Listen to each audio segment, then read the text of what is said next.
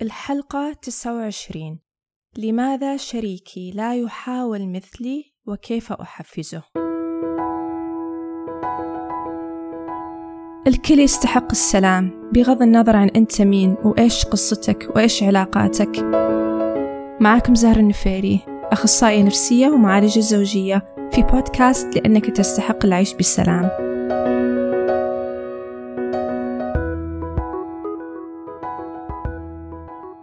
لما نسأل أنفسنا ليه شريكي ما يحاول؟ غالبا الجواب اللي يجي على بالنا هو لأنه ما يحبني أو أنا مش مهم بالنسبة لها أو لأنه كسول أو لأنها أنانية. ولكن في الحقيقة في تفسيرات جدا كثيرة لليش الآخر ما قاعد يحاول. راح أذكر أهم خمس أسباب تخلي بعض الشركاء ما يحاولون كفاية في زواجهم. السبب الأول وهي يمكن معلومة أكثر من أنها سبب هو أن الآخر ممكن فعليا يحاول لكن إحنا ما قاعدين نشوف محاولاته. وهنا في فرق كبير جدا بين هل إحنا ما قاعدين نشوفه يحاول أو هو فعلا ما قاعد يحاول. كيف؟ الفرق هذا هو فرق بين الحقيقة وتفسيرنا للحقيقة.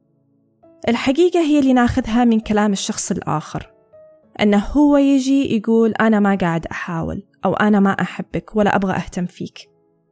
أما تفسيرنا للحقيقة هو ملاحظاتنا إحنا وأفكارنا على اللي قاعد يصير بس مش هو الواقع مهما كنا متأكدين. دائما راح يبقى في مجال واحتمال أن تفسيرنا غير صحيح إلا إذا سألنا الآخر. اللي أنا مثلا أشوفه عندي في عيادتي الإلكترونية ونشوفه بشكل عام كمعالجين زوجيين أن في أغلب أغلب الحالات يطلع أن الشخص الثاني قاعد هو برضو يحاول. مثلا في ناس تعتقد أن إذا ما تكلموا كثير فهذه هي محاولتهم عشان يتفادون مشاكل ويحافظون على العلاقة. أو يقول مثلا أنا أتذمر كثير لزوجتي أو لزوجي علشان ما يضل شيء في قلبي ويصير تراكمات.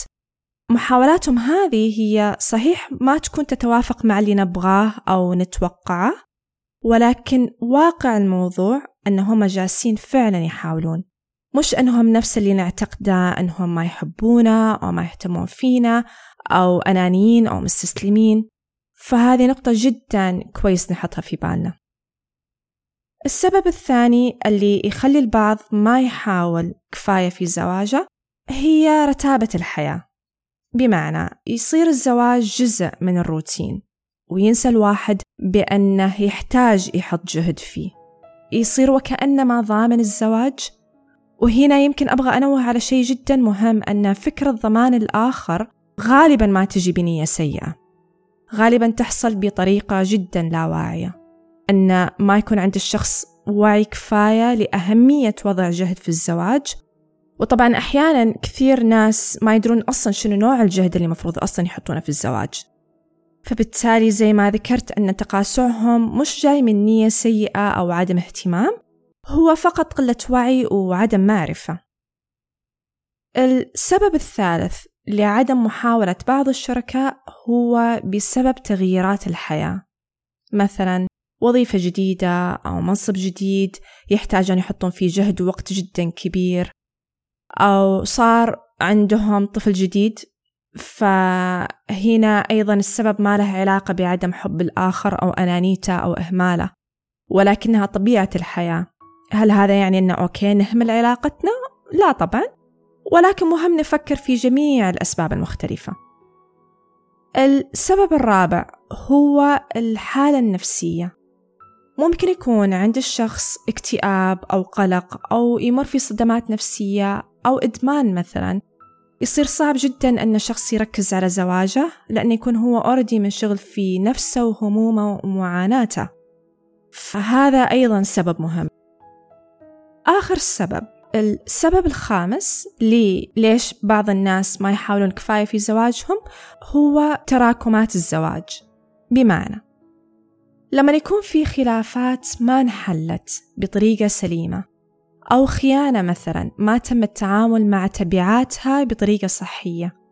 أو احتياجات لم تلبى. هذا كله يخلق شعور بالاستياء وبالانفصال العاطفي عن الآخر اللي هو طبعا بعكس الاتصال العاطفي. فما يصير رغبة للمحاولة عشان ما يصير في صد أو ألم زيادة. فهذه أهم أسباب عدم محاولة الشريك في الزواج. نجي الآن لإيش الحل؟ وكيف نخلي الآخر يحاول أكثر. أول شيء مهم جدا نتذكر هنا أن إحنا ما نقدر نجبر الآخر للمحاولة أكثر أو ما نقدر نجبر الآخر للمحاولة بالطريقة اللي إحنا نبغاها. اللي نقدر نسويه هو نحاول نحفزه عشان ممكن تزيد احتمالية الحصول على اللي نبغاه. فأنا راح أذكر أربع نقاط ممكن أنها تساهم في زيادة احتمالية أن الآخر يحاول أكثر. أول نقطة هي طبعا التواصل. بمعنى شريكنا ما راح يعرف أبدا إحنا إيش اللي قاعد يصير معانا من ألم، حزن، خيبة ظن مثلا، خوف إلى آخره إذا ما تكلمنا. ولا راح يعرف الطرف الآخر إيش اللي نبغاه إذا ما كنا صريحين. وفي نفس الوقت طبعا كويس أن نتذكر أن الآخر ما راح يستجيب أو تستجيب إذا تكلمنا بعصبية وصراخ وتهديد. فمهم جدا نحاول أن نعبر ونطلب بطريقة هادئة محترمة وواضحة ومستمرة علشان ممكن نزيد احتمالية الوصول لهدفنا. وطبعا عشان تصير معادلة التواصل صحيحة وسليمة وبالتالي تجيب نتيجة لازم نسأل ونحاول نفهم إيش اللي قاعد يصير مع الطرف الآخر. إيش هي مشاعره أفكاره وجهة نظره إيش اللي قاعد يمر فيه. وطبعا الاستماع يكون من غير دفاعية ومن باب الفضول هذا راح يفرق. النقطة الثانية وضع خطة مع بعض. بمعنى بعد ما يتكلمون عن أن اللي قاعد يصير حاليا غير مساعد للزواج ومضر للزواج يسألون بعض إيش شيء نعمله مع بعض بشكل يومي عشان نزيد التواصل حتى لو بشيء جدا بسيط. مثلا يتفقون الزوجين أن يوميا بعد ما يرجعون من العمل يسلمون على بعض. أو يبعثون رسالة يوميا يسألون عن حال بعض. أو يتكلمون عشرين دقيقة يوميا عن يومهم. هي أمور بسيطة ممكنها تزيد الإيجابية ما بين الزوجين وفعلا تسوي فرق. أيضا وضع خطة أسبوعية. أن لازم مثلا أسبوعيا يقضون ساعة مع بعض يطلعون فيها يتكلمون يشوفون فيلم اللي يبونه. بس يصير وهذا الهدف طبعا أنه يصير في وقت ثابت يقدرون يعتمدون عليه الزوجين في التواصل. يدرون أن دائما راح يكون في وقت ثابت راح نرجع فيه لبعض ونتواصل. وهذا فعليا يزيد شعور الأمان ما بينهم. النقطة الثالثة هي إظهار التقدير للأمور اللي الآن جالس يعملها الشخص الآخر حتى لو كانت أشياء صغيرة بالنسبة لنا.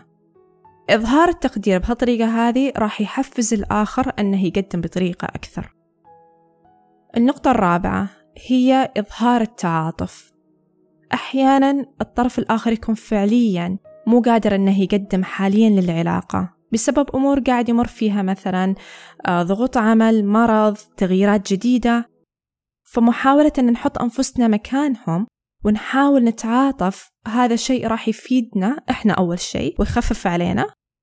وأيضا راح يفيد علاقتنا خاصة لما نسأل شريكنا عن اللي قاعد يمر فيه نحاول نسانده نسمع له. هذا أكيد شيء راح يفيد الزوجين مع بعض. وآخر نقطة راح أذكرها في الحلول لو لنفرض أن شريك حياتكم أصلا ما قاعد يشوف أهمية للمحاولة أو مهتم فقط في نفسه؟ أو أنكم تحسون أن وصلتوا لمرحلة صعبة في زواجكم؟ أنصح هنا باللجوء لمختص ومعالج زوجي عشان يساعدكم للتعامل مع اللي تمرون فيه بطريقة أفضل. فهذه بعض الأسباب لعدم محاولة الشريك وبعض الحلول لكيف نحفزه للمحاولة بطريقة أفضل. هذه نهاية حلقة اليوم. أتمنى أنكم استفدتوا منها. يومكم سعيد جميعا ومع السلامة.